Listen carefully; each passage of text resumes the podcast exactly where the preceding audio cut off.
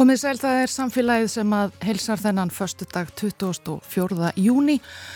Klukkan er uh, orðin rúmlega eitt, þrjármyndur yfir cirka bát uh, og umsunamenn samfélagsins í dag eru Vera Íllóðdóttir og Guðrún Háldanadóttir. Fyrir um tveimur árum fór af stað saminnuverkefni þjóðkirkjunar og samtakana 78 sem miðaði að því að skoða sögur af misrétti gagvart hins egin fólki í kirkjunni og hvað mætti læra af þeim. Á morgun verður heimasíða verkefnisins formlega opnuð og viðbyrði skálholti. Þar Bjartís Helga Tómasdóttir, verkefnustjóri og varaformaður samtakana 78 og Hildur Björg Hörpudóttir, sóknarprestur Reykjóldi, koma til okkar í samfélagi dag og segja okkur betur frá þessu verkefni. Tvær nýjar rannsóknir gjör bylta skilningi okkar á sögu hænunar eða svo segja alltjent vísindamennir sem að þessum rannsóknum stóðu. Þessar rannsóknir þar byrtust í uh, tveimur mætum vísindarítum í byrjun þessa mánar.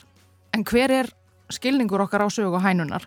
Hversu lengi hefur þessi góði fuggl sem uh, við höldum svona mikið upp á fyllt mannkyninu? Og við ætlum að gogga svona örlítið í sögu hænunar í lok þessa þáttar og um, hér er það ekki spurningin um hver kom fyrst hænan eða ekkið. Og það sem við erum að tala um landbúna, þá varum miðjan júni skýrsla spretthópsins svo kallaða, en þar er alvarleg stað að matvælaframlegsli í landinu skoðu. Við ræðum við Axel Sæland, formann gardirkjudeildar bændasamtakana.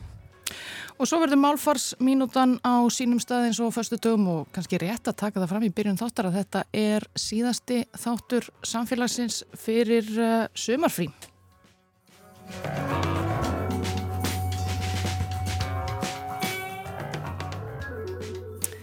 En fyrir rétt tveimur árum var búið til kynningafundar af að hálfu þjóðkyrkjunar og samtakana 78 um samvinnuverkefnið Einn saga, eitt skref. Markmiðið var að skoða sögur að misrætti gagvart hins eginn fólki í kirkjunni og spyrja hvað mætti læra af þeim og hvernig ætti að gera þessa sögu upp. Og það var stopnud sérstök sögu síðan sem að fólk að deilt reynslu sinni en þær Bjartís Helga Tómasdóttir, verkefnastjóri verkefnisins og varaformaður samtakana 78 og Hildur Björg Hörpudóttir, sóknarprestur í Reykjóldi, eru komnar til okkar hingað í hljóðstofu. Velkomnar. Takk fyrir. Takk. Hildur, hver er forsaga þessa verkefnis?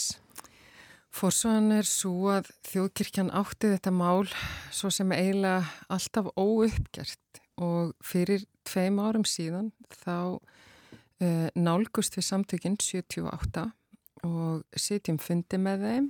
Við reyndar fórum inn með þá hugmynda að þarna þetta verði eitthvað málþing og svona. En úrvarð að þetta verkefni leitagsins ljós og það, þetta var alveg fyrir að finna út hvernig við vildum gera þetta. Og Við vorum svo heppin að, að samvinna náðist um það að fá Bjarti sig til að hjálpa okkur og sapna þessum sögum og að við gengjum bara, já, svolítið í spóri Jésu og, og myndum enda á krossinum þarna og, og fá svona kannski einhvern, einhvern loka punkt sem að myndi hefjast á sko bæði samtalenu, sáttinni og kannski fyrirkefningu. En sko þið farið í þetta verkefni og þetta er laung saga. Mm -hmm. Þetta er, eigum að revja það eins upp fyrir hlustendur? Mm -hmm. Hvað, það er, það er ákverðun á kirkjuþingi ekki satt? Jú, það er náttúrulega í þessari sögu að þá er þetta náttúrulega þannig að, að kirkjan eins og samfélagið á þessum tíma, það, það var mjög fordómafyllt. En það sem að kirkjan brást var að kirkjan átt alltaf að vera svo stopnun sem átt að tala fyrir kærleikan, átt að tala fyrir mannréttindum og átt að standa með fólki í þessum aðstæðum. En það varð ekki alltaf svo leis. En það verður auðvitað viðsnúningur og sem betur fyrir núna að það er náttúrulega bara önnur kynnslóð svolítið að koma inn í kirkjuna og kirkjan er að breytast eins og samfélagi. En, en þarna eru Þannig mikill harmur og, og þjáning sem er nöðsilegt ef við ætlum að vera trúverði í kirkjunni að við gerum upp. Hvað, uh, Bjartís, þessar uh, sögur sem að, þú tókst að, að þér að sapna, segð okkur aðeins frá því. Já, um, mjög fljótlega komið ljósa, eins góð hugmynd að það var að bjóða fólki að senda inn sína sögur. Það kom mjög fljótti ljós að það gekk ekki alveg upp og fólk var ekki sendið inn sögur sem er mjög eðlilegt fólk er að tala um mikinn sásöka og hérna og þá var ákveðið að við færum með því að þannig að ég myndi að hitta bara fólk og, og uh, taka upp viðtal sem að við ætlum reyndar í upp að nota á annan hátt. En þessi viðtöl eru náttúrulega mögnuð og útrúlegt hvað fólk er tilbúið að, að deila af reynslu sinni. Og þá ákveðum við það myndum í raun og veru byrta brot úr sömum frásagnana, ekki öllum en, en einhverjum, til þess að gefa hilda mynd af ástandinu eins og það var og gefa fólki einsinn í það og svona. En svo mun nú reyndar alla sögurnar fara í geimslu uh, og uppbrytun, þannig að þau verða alla frásagnar aðgengilegar hjá þjóðminnarsafninu uh, og þetta er bara fljóðlega það farið þá vinn í haust. Eða við kannski að heyra eina sögu? Já, endilega, við erum með hérna sögu uh, mann sem er uh, að deila uppilöfin sinni af presti í fermingafræðslu. Hann einhvern veginn bara leta okkur vita af því að samkynnið væri hræðilega send og vond og útskýrði fyrir okkur að þessi hræðilegi sjúkdómur sem á þessum tíma, þetta er árið 1990 rögla væri hérna refsing Guðs fyrir homaskap og, og þessa sótumu og þennan lifnað. Og fyrir mig sem bara ungan trúan strák sem var að byrja að fá einhverja tilfinningar og fatta að, að, að ég neyðist kannski til karla frekar en þú veist, frekar en hvenna ég bara var að upplifa svona mína fyrstu tilfinningar hvað þetta var þar það var þetta bara áfall bara raunverulegt áfall því ég, ég trúða á Guð og himinn og helviti og, og, og þú veist, ég trúða á þetta allt saman. En, en þarna var ég hrættur bara um líf mitt og, og upp úr þessu og þá bara þróa ég með mér rosalega ótta við dauða af því ég að ég vissi að ég myndi þá bara brenna í helviti og það væri verið að refsa mér fyrir ef ég myndi vera svona. Og þú veist, í, bara í þessu tráma bara þessu ruggli sem að ég upplifi svo eftir þetta. Fer ég bara bara á fulla ferðin í skapin og ég var, ég var og ég vildi ekki vera svona. Og ég man bara í cirka fjögur ár, fimm ár eftir þetta þá baði ég til Guðs heitt og innilega okkur einasta kvöldi að myndi lækna mig. Ég finn það í líkamanum því ég er að tala núna.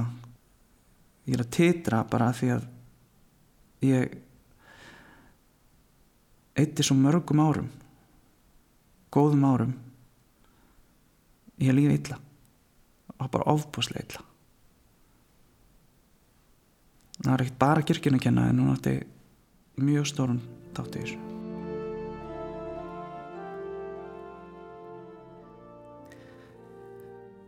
Þetta er sláandi frásögn sem við heyrðum þarna Bjartís. Hvernig eru margar svona sögur sem þið, þú hefur eru búin að sapna? Já, það eru margar sögur og þær eru á ólíkum toga uh, líka frá ólíkum tímabilum uh, það sem að til dæmis er að lýsa reynslu frá því um 1990 og sumt er eldra um en það er eiga það alla sammeigilegt að vera mjög sárar. Hildur, þú ert prestur, sóknaprestur. Hvernig er fyrir ykkur að heyra þetta? Hvernig þessi að þjóðkirkjan, hvernig, hvernig komið var fram við til dæmis eins og þarna óharna ungmenni? Mm. Það er bara ofbúslega sárt og eitt af því sem við viljum gera með þessu verkefni er að búa þannig um hnútana þessi þjáning verð ekki að óþröfu, heldur verðun okkur að þroska og lærdómi sem að hvetur okkur til breytinga og við erum full vilja til að láta það verða veruleika. En það er allt í þessum sögum er ósangjart og óskiljanlegt og við viljum breyta og við höfum breytt miklu. Þannig að, já, Og, og það er fullu vilji hjá kirkjunni, þjóðkirkjunni til þess að breyta þessu og, og að, sagt, að þessar sögur fá að heyrast og að svona muni ekki endur taka sig. Já, það er fullu vilji til þess og þess vegna var þetta verkefni ekki bara sett af stað sem einhver afsökunarbyðinni eða óskum fyrirgefningu heldur verkin látin tala líka og, og það eru þetta mjög erfitt fyrir kirkuna líka að leifa þessum sögum að heyrast.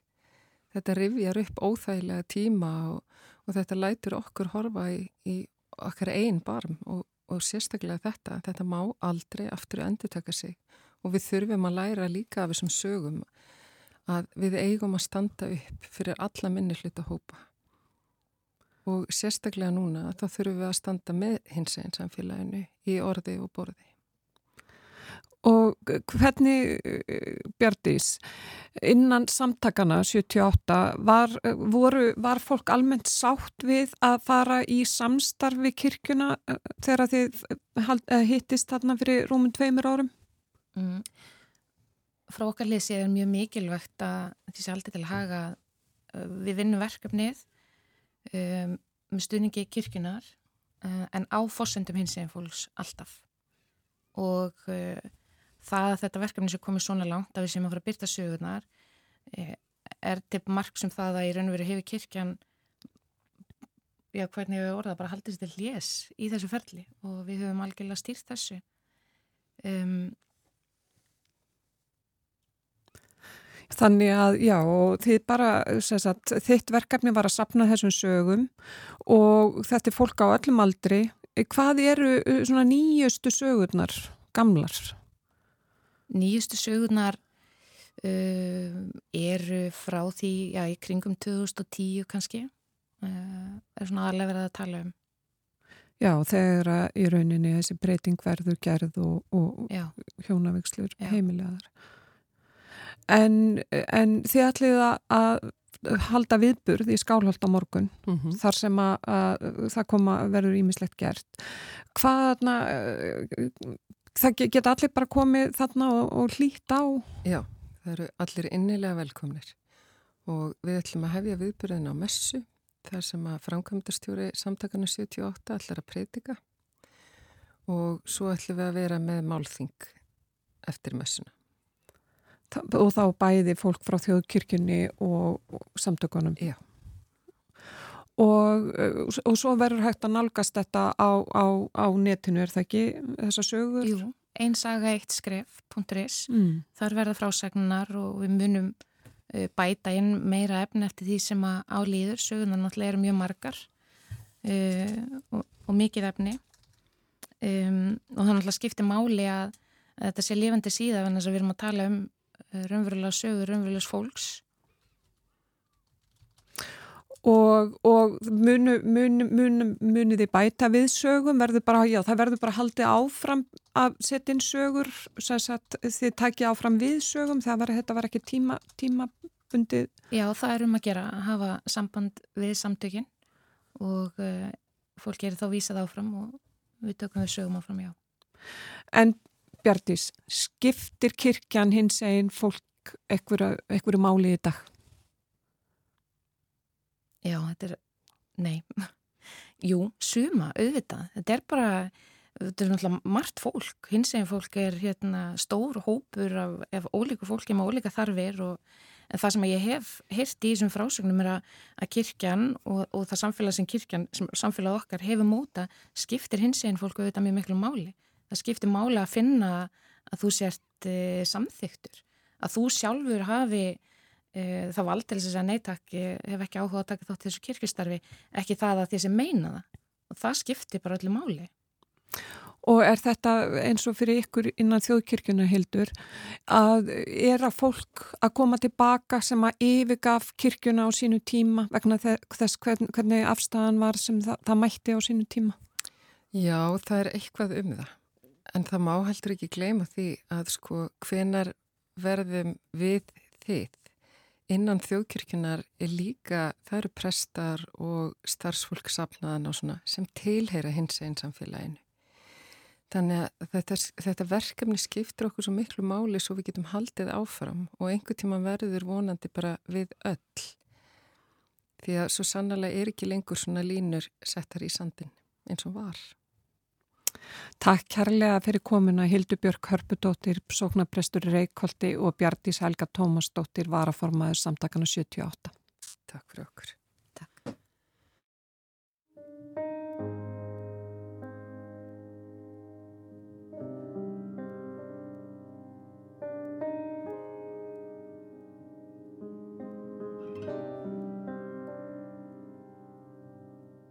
You are my sister, we were born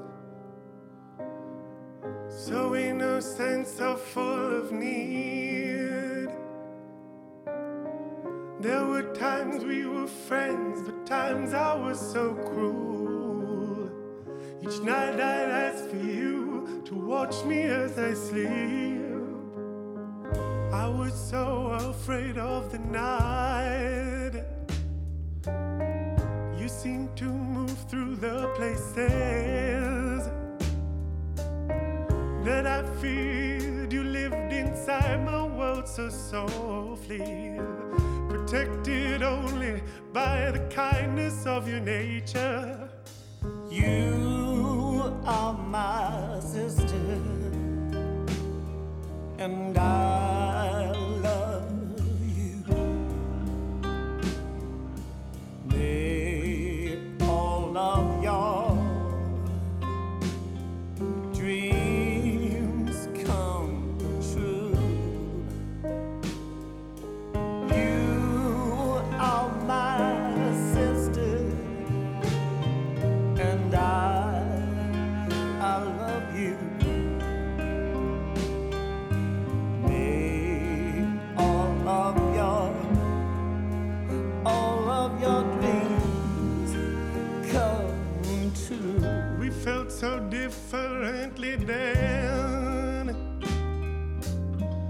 so similar over the years.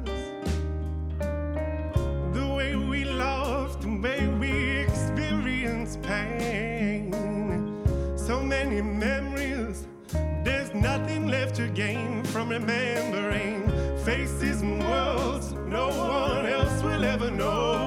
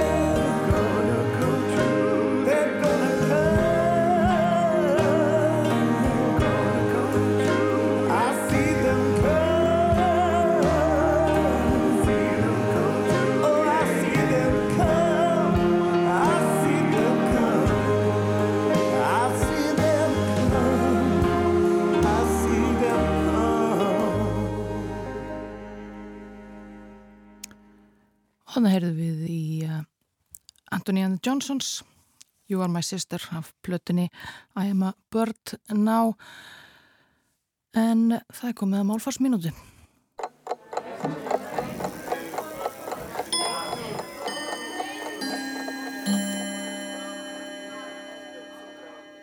Í stopnskrá hins Íslenska lærdómslistafélags frá 1780 er ákvæðið um málvernd.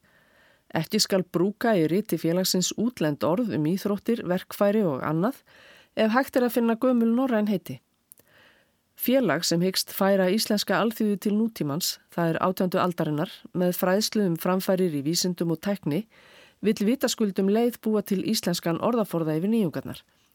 Því er líka kveðið á um nýjirðasmíði sem hér segir Því má og í stað slíkra útlendra orða smíða ný orð samansett af öðrum norrænum, er vel útskýri náttúru hlutar þess er þau þýða eigu.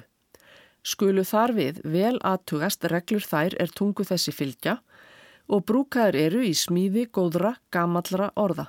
Skal og gefast ljós útskýring og þýðing slíkra orða svo að þau verði almenningi auðskilinn.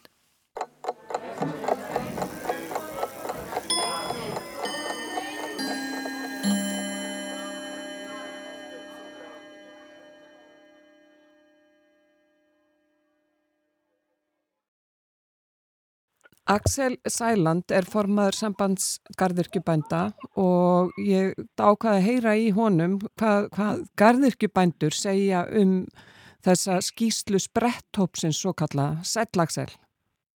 Sæl og blessið. Hva, hvernig, hvað segja garðirkjubændur um þessa, þessa skýslu? Já sko, náttúrulega í grunninn þá fögnum við því algjörlega að það sé að vera að spyrna við og, og það sé komið á móts við búgrinnar í landinu og verið að bæta stöðu þeirra verulega. En um leið að þá finnst okkur svolítið ankanalegt að, í þessari skýslu er unni bara verið að breyðast við í garðekilhutanum, þeim kröfum sem að garðekjan hefur verið að berjast fyrir undanfæri náð og það, það bara þykir nóg og meðan að, meðan að stjórnvöld koma út á við og setja meira sér stjórnarsáttmála að þau horfa á gardirki sem svona framtíða búgrein landsins og, og þetta sé mikið framtíða músík og gríðali tækifæri. Og auðvitað er þessi skýsla hjá spretthófnum fyrst og fremst að bregðastu stöðu enn í dag en, en hérna, þetta er samt svona ég veit ekki hvernig að segja, svolítið típist fyrir gardirkina að, að verða þarna aðeins bara undir. En, en ekki það alls ekki að gera út af hlut hinn að búgrunna sem að eru kannski svolítið stærri í grunninn og, og þurfa meira fjármagn en, en garðirkjan er búin að eiga undir högg að sækja ákveðnar greinar innan garðirkjunar þetta er um það margar greinar sem við erum með og, og, og þurfa bara virkilegan stuðning til þess að, að fækkun hætti í rauninni sem að er það sem við erum svolítið að, að berjast við. Já, það eru um 200 fyrirtæki í garðirkja á Íslandi en þeim hefur farið fækkandi. Já, já og, og það var náttúrulega hérna árum áður svona þegar að lýsing uh, var að riðjast í rúms og þá var gerður óslulega mikil hægraðinga krafa á garðiskina sem fólkst einfalli í því að, að í ylrektinni sérstaklega að okkur fækkaði og stækkaði. Það er til mun að menna í kringu 1980 voru yfir 40 bara blómabændur í landinu, 45 með 8 blómabændur og við erum við erum innan við tíu í dag sko, en framleiðum mikið, mikið meira og, og þannig okkur hefur fækka gríðala og, og svo hefur þetta farið að hluta til inn í græmmetisframleysluna líka þessi leið og, og útiræktinn einnig. Og þetta þannig að það hefur ekki orðinni nýliðun, þetta hefur okkur engungur fækka og stækka og þetta er svolítið atrið sem við höfum miklar ágjur af í framtíðning og þetta og bara eins og með mörg stór kúabú í dag í landinu að það er erfitt að selja þau vegna stærðarinnar og fólk eh, leggur ekki í þá skuldsetningu sem þarf að fara fram í til að fara í til þess að taka yfir sko. Og nú er bent á það í skýslunni að einna augljósast séu sem möguleikar íslettinga til að auka innlenda matvælaframleyslu sé að sækja fram í grammetisframleyslu. Já, ég sé alveg sérstaklega í útiræktinni sko, að, að þar séum gríðarlega mikið tækifæri og það er mikið landi í dag sem er bara ónýtt en samt landbúnað land og, og þar eru mikið tækifæri og, og, og það sést best á höstin þegar að útiræktaði grammitið er að koma markaðinn, hvort sem það er í, í, í miðjan ágúst eða í oktober að, að það ríkur út og íslendíkar e, greinilega velja Ísland sem er, alveg, sem er okkur alveg óbúinlega mikilvægt og þannig að það er hægt að bæta verulega í það og í mörgum tegundum. Það er þótt að við séum svolítið fyrst í því að útbyrjækta grammiti sé kannski kartöflur, róið, gullrætur og svo, svo blómkál og spergilskál uh, ofanjarða. Þá eru bara hellingstækifæri ofanjarða líka eins og neðanjarða í grammitinu og, og þarna þarf bara að fara í miklu meiri pælingar og, og, og dýbri hugsun í því að umbreyta þessari hugsun okkar íslendingar þar við getum nýtt þessi tækifæri. Sko. En, en á sama tíma þá er þetta náttúrulega mjög mannfrekt að þessi útiræktuna því að þetta, náttúrulega, þetta eru tímabil sem eru mjög erfið bæði þegar að vera að setja niður og taka upp og er ekki launakostnaðurinn erfur fyrir þessa, þessa framleiðslu? Jú, það hefur sérstaklega verið á þeim sem er að rækta ofanjarðagræmiti. Þar þar er bara handtinsla í rauninni í bóði og, og það er mjög launafrekt og, og kostar mikið en, en þeir sem er að rækta nýja í gullrótum eða gullrófum eða kartillum þeir, þeir hérna hafa velvæst frekar einn hafi verið ræktun og auðvöld er að, að velvæðast en, en það er satt að þeir sem eru í kínakáli, spergilkáli, blómkáli eða, eða því sem eru verið að rækta ofið það, það, það er bara mannsvöndin sem þarf til að týna og það er bæði eh, mannfrækt og, og, og er bara stuttur tími sem að þú hefur til að ná því. Þannig að það er alveg rétt og það er mjög kostnæðarsagt tímabil hjá, hjá bændum. Og svo náttúrulega ábyrðakostnæður líka.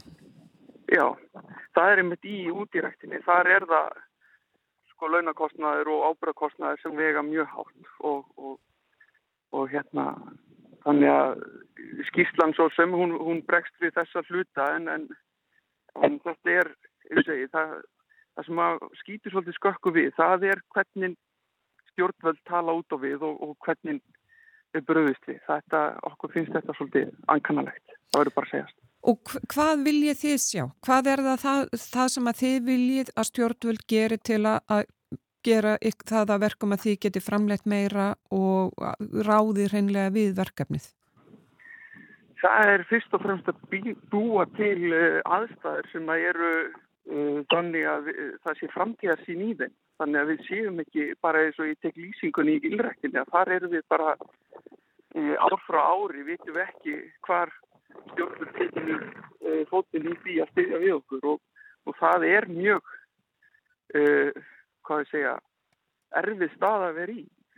Að hérna í ramagninu og svo fyrir þá sem er að rækta í, í dag græmiti að þeir það er bara ákveðin pottur og ef þú ræktar meira þá færðu bara minna. Og, og þetta, er svo, þetta er bara letjandi kerfi og gengur ekki. Þá þarf að festa þessa tölur þannig að það sé bara per kíló sem að þú veist fyrir hvert framleitt kíló á markaða þá veistu hvað á þær og, og eins í ramagninu að þeir festu þetta niðugreyslu hlutfall. Þannig að niðurgræslu hlutu að þetta haldist bara í þeirri prósentu sem við verðum niðurstaða, ekki það að við fáum dreifingarkostnaða ramagnir niðurgrætanu 60% eða 70% eða 80% eða 90% ár frá ári því þetta eru ofbúslega háar tölur hjá okkur í rættinu eins og ég sagði á þann þetta eru þjafpar markaður, við erum fáið og stórið og þá er þetta alveg gríðalega háar tölur sem við erum að tala um í hverju prósentu sko, í ramagnir og þetta gildir bara sama í útræktinni að að búa til einhverja potta með fjármagni þar sem er deilt út að þetta er opboslega erfi staði að því þetta er bara letjandi. Þannig ef einhver ætlar að fara og bæta við 5 hekturum af, af kínakáli eða spergilkáli að þá veit hann bara að hann fær mun minna greittir per kíló sem hann framleiðir sko. þannig að kerfið er bara ekki að vinna með okkur. Það er það sem okkur þykir bara mjög mýður í þessu hvernig... og, og við vítum ekki, og við vitum alveg að við erum, við erum smáþjóð. Og, og Garðvikistöðu Íslandi sem að ég tala um að sé stór og hún, hún sérst ekki á európskum marka þegar hún er svo lítil sko, því að samkjæfnina utan stór Garðvikistöðu Íslandi sem er í dag að verða 8.000 fermetrar er að keppa við Garðvikistöðu sem er á bylunu 50 til 100.000 fermetrar í Hollandi. Þannig að við eigum hvort sem að sama hversu Garðvikistöðin verður stór á Íslandi þá er hún alltaf lítil á samkjöfnismarkaði við innflytning. En, en eins og þú bendir á þá er náttúrulega íslensku grammeti um, fagnað haustinn, maður sér það alveg kar, íslenskar kartablur júka út okkur rætur og annað er, eru stjórnvöld kannski ekki að bregðast nægilega vel við því að bæta ykkar stöðu að því að neytendur greinilega eru að taka vel í ykkar framleyslu Já, sem að við, segi, fögnum algjörlega.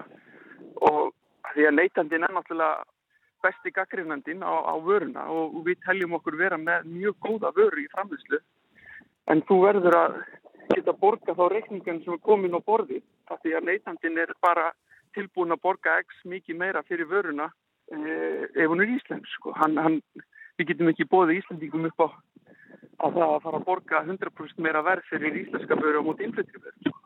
það er bara, það, það er alltaf takmörk hvað er hægt að bjóða fólki sko. og við viljum náttúrulega að innlend vara sé bara samkjæfnisræði innflyttaður í verðum líka og nú náttúrulega er verðbólgana aukast og, og mæntanlega munum við sjá frekar í verðhækkanir? Já, já og, og hérna og þessi eins og við talum þess að potta, þetta fjármaks sem að ríki setur í fyrir okkur sem að í þrjá potta sem eru A, B og C pottar sem að dreifast mismunandi nýra á bændur að þeir rýrna alveg ofbóslega í þessari verðbólgu og þeir, þetta er bara först krónutala sem er sangkvæmt húfurusöndingum og þeir fylgja yngri vísutölu. Hvernig taka stjórnvöld í þessar hugmyndir ykkar og þessar óskir ykkar? Það verður að viðkennast að það, það hefur verið lítið samtal. Við hefum fengið eitt fund með ráþæra frá því að var ný ráþæru skipaður og í, í eða í garðiskinni og, og það sem að við svona e, bentum á það sem var sekkin í stjórnarsáttmála, það sem að garðekinu var gert við háttundur höfði og, og rauninni bara sagt að, að ríki ætlaði að gera vel og, og bregðast við þeirri stöðu sem er í garðekinu en, en þá kemur rauninni bara svara að ríkið sé bundið að fjarlögum og það sé ekkit meira eftir að gera þessu ári.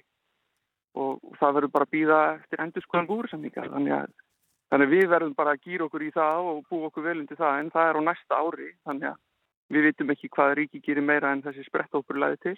Þannig að samtali hefur því miður verið lítið fyrir garðkjuna undanfari. Það verður bara viðkynast. Þannig að já, þið eru búa, eða eru að búa ykkur undir kallt? Ég vonandi ekki. Ég meina, sumari hefur verið gott hinga til og ég veit ekki betur en að spretta sér almennt góð hjá bændum. Þannig að auðvitað vonar maður að sala og annað gerir vel og, og, og allir komir vel undan en það er þetta er bara umhverfi sem að er búið að byggja og búið til auðvitað er alltaf góðu vilja á bakvið þau kerfi sem eru gerð og, og, og verið að hugsa til en það þarf bara reglulega að endur skoða kerfin og hvað er hægt að gera til að tryggja framlegslu vilji bænda sé til staðar og endur nýjun og, og nýliðun og nýliðun er náttúrulega það sem við þurfum en, og viljum sjá í greininni. Við vonum það besta og eh, vonandi verður sprettan góð í sumar og við fáum fullt af brakandi fersku íslensku grammiti á markaði haust. Takk kærlega fyrir spjallið Axel Sæland, formar sambandskar yrkibænda. Já, takk sem leiðis, kærlega. Já, þetta var hann Axel og eins og heyra mátti þá var þetta símanvittal og ég rætti við hann í morgun en vonandi verður bara sumarið og hausti gott fyrir íslenska græmitið, er það ekki vera? Jú, auðvitað vonum við öll það en uh, við skulum hlusta á eitt lag.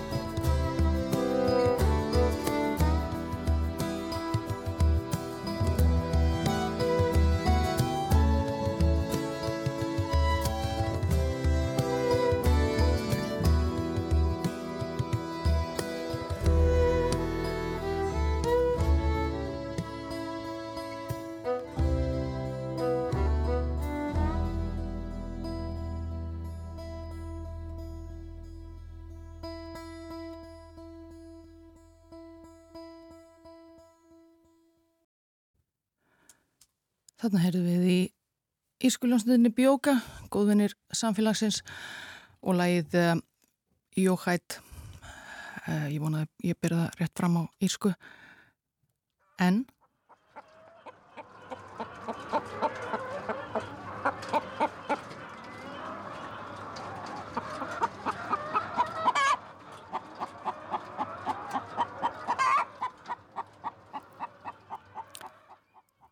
Allir þekkju þetta hænuna sem við heyrðum í þarna.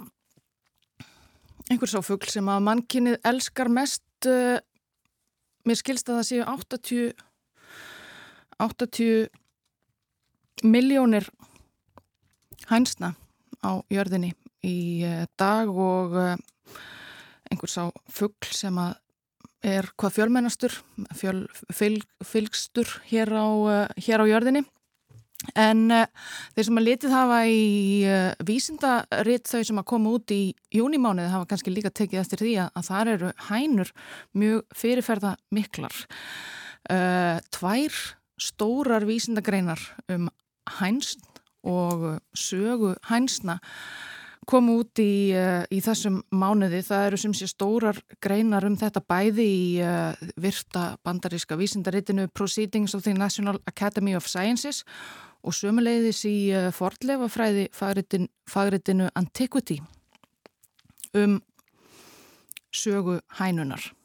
Já, og sagt er að þessar tvær rannsóknir sem að þarna byrtast, sem að eru unnar í samstarfi vísindamanna við Oxford Háskóla og, og, og, og víðar, það er gjörbildi skilningi okkar á sögu hænunar. Þetta segja þeir vísindamenn sem að þessu stóðu, en hver er um, hver er skilningur okkar á sögu hænunar? Er hann mjög mikill yfirleitt? Hvað þekkjum við um sögu hænunar? Nú, um, svo er að lengi hefur verið talið að, um, já, viltar, viltir forfeður hænunar hafi orðið að hústýrum einhver tíman fyrir, já, talað er um fyrir um 8000 árum síðan, ekki nákvæmlega vita hvar það hefði gerst. Mögulega í Kína, kannski á Indlandi eða í Mesopotamíu en uh, samkvæmt uh, þessum nýju greinum þá er þetta alfarið ránt. Það var sem sagt þannig að uh, forn erðafræðingar við Oxford Háskóla fóru í gegnum meira en 600 gögnur, meira en 600 forlefa uppgröftum um víða veröld í 89 löndum þar sem að forlefa fræðingar telja sig hafa fundið hænu bein eða einhvers konar ummerki um hænur.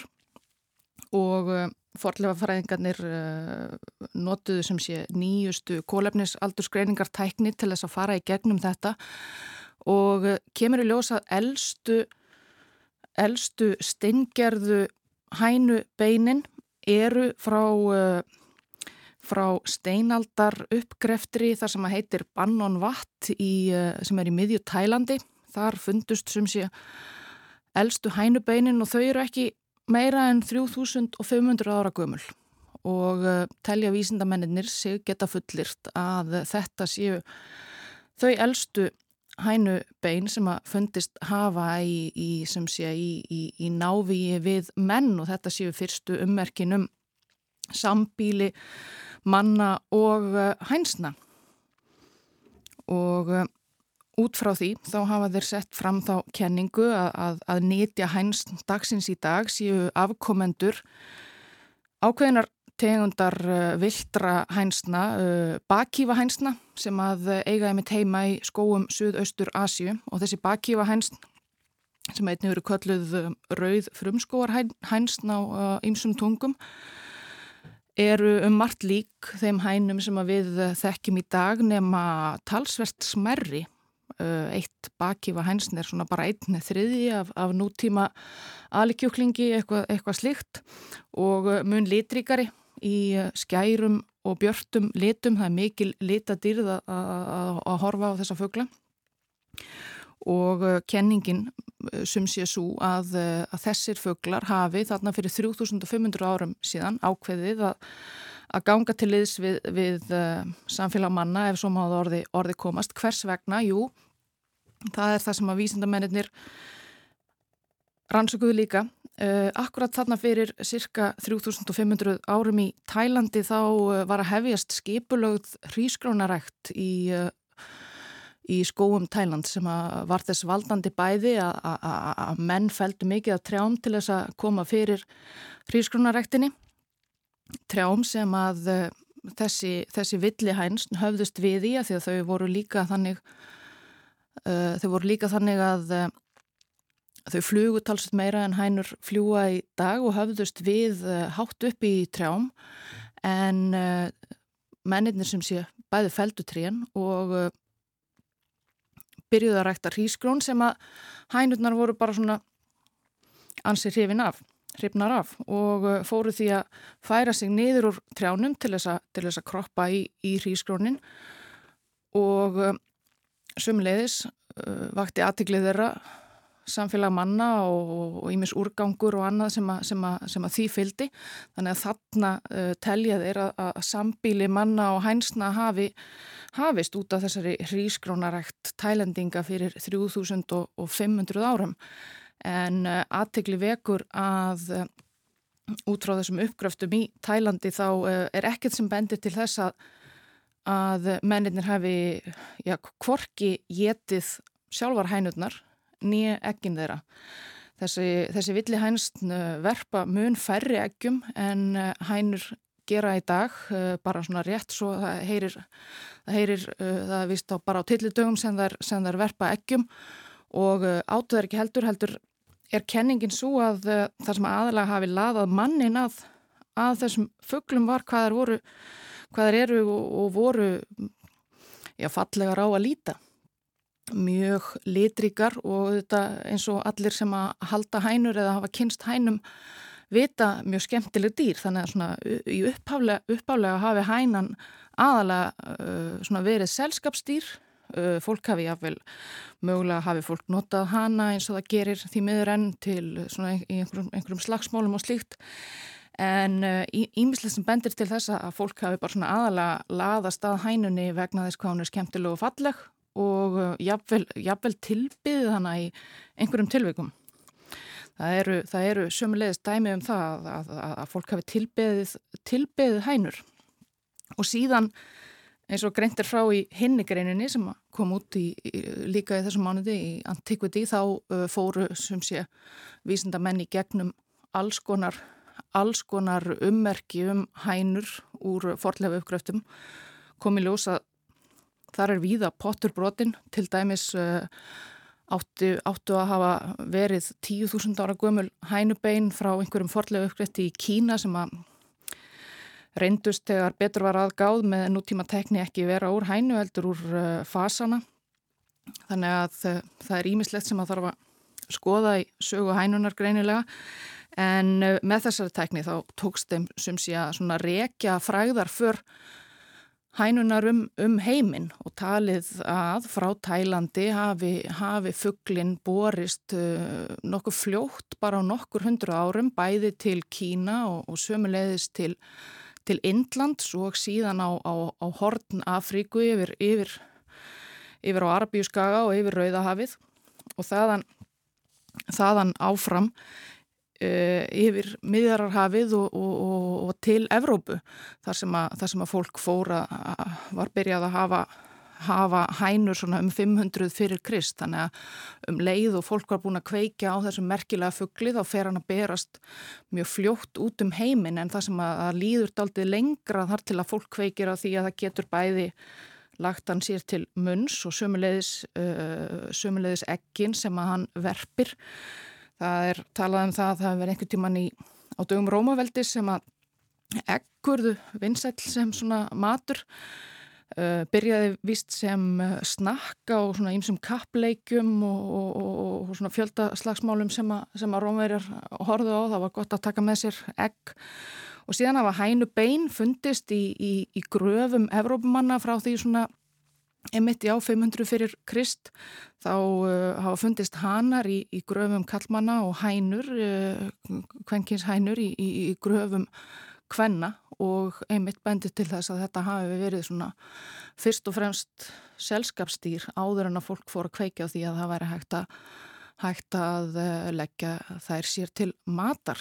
En eh, auðvitað núna þá er þetta sá fuggl sem, sem að við borðum helst. En eh, byrjaði sem sé sem já bara vinur, vinur okkar en uh, ég mælu með því að fólk kynni sér þessar merkjulegu greinar og, og skoði líka þessa bakífa hænu uh, forföður hænunar okkur í dag, hún er gífulega falleg og ekkert, ég, ég, það kemur ekkert óvart að, að fólk hafi heitlast af, af henni þegar hún byrjaði að fikra sér niður úr trjánum og, og, og gogga smá í hrísgrónin sem að, að menninni voru byrjaðið að, að rækta á þessum tíma.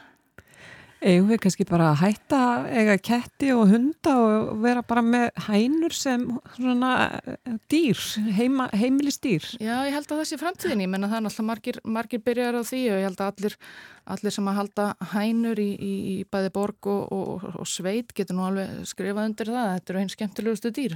Ég er alveg sammálað því líka. En uh, margt að gerast sem sé í, uh, í hænufræðum um heim allan, það er nýjar greinar um, um, um, um söguhænunar bæði í Proceedings of the National Academy of Sciences og í Antiquity þeir sem hafa á, á, á hænu forlega fræði og uh, þróun sambílis hænsna og uh, manna geta kynnt sér þetta betur.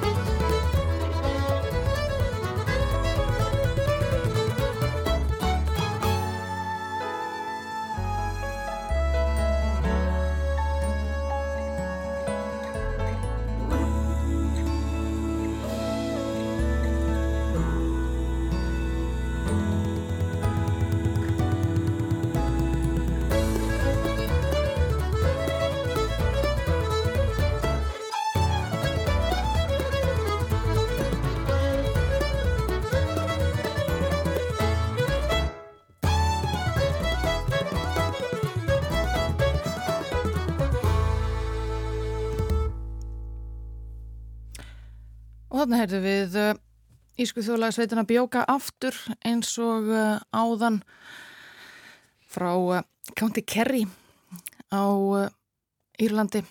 Þessi sveit þetta var lagið Dólans 6am.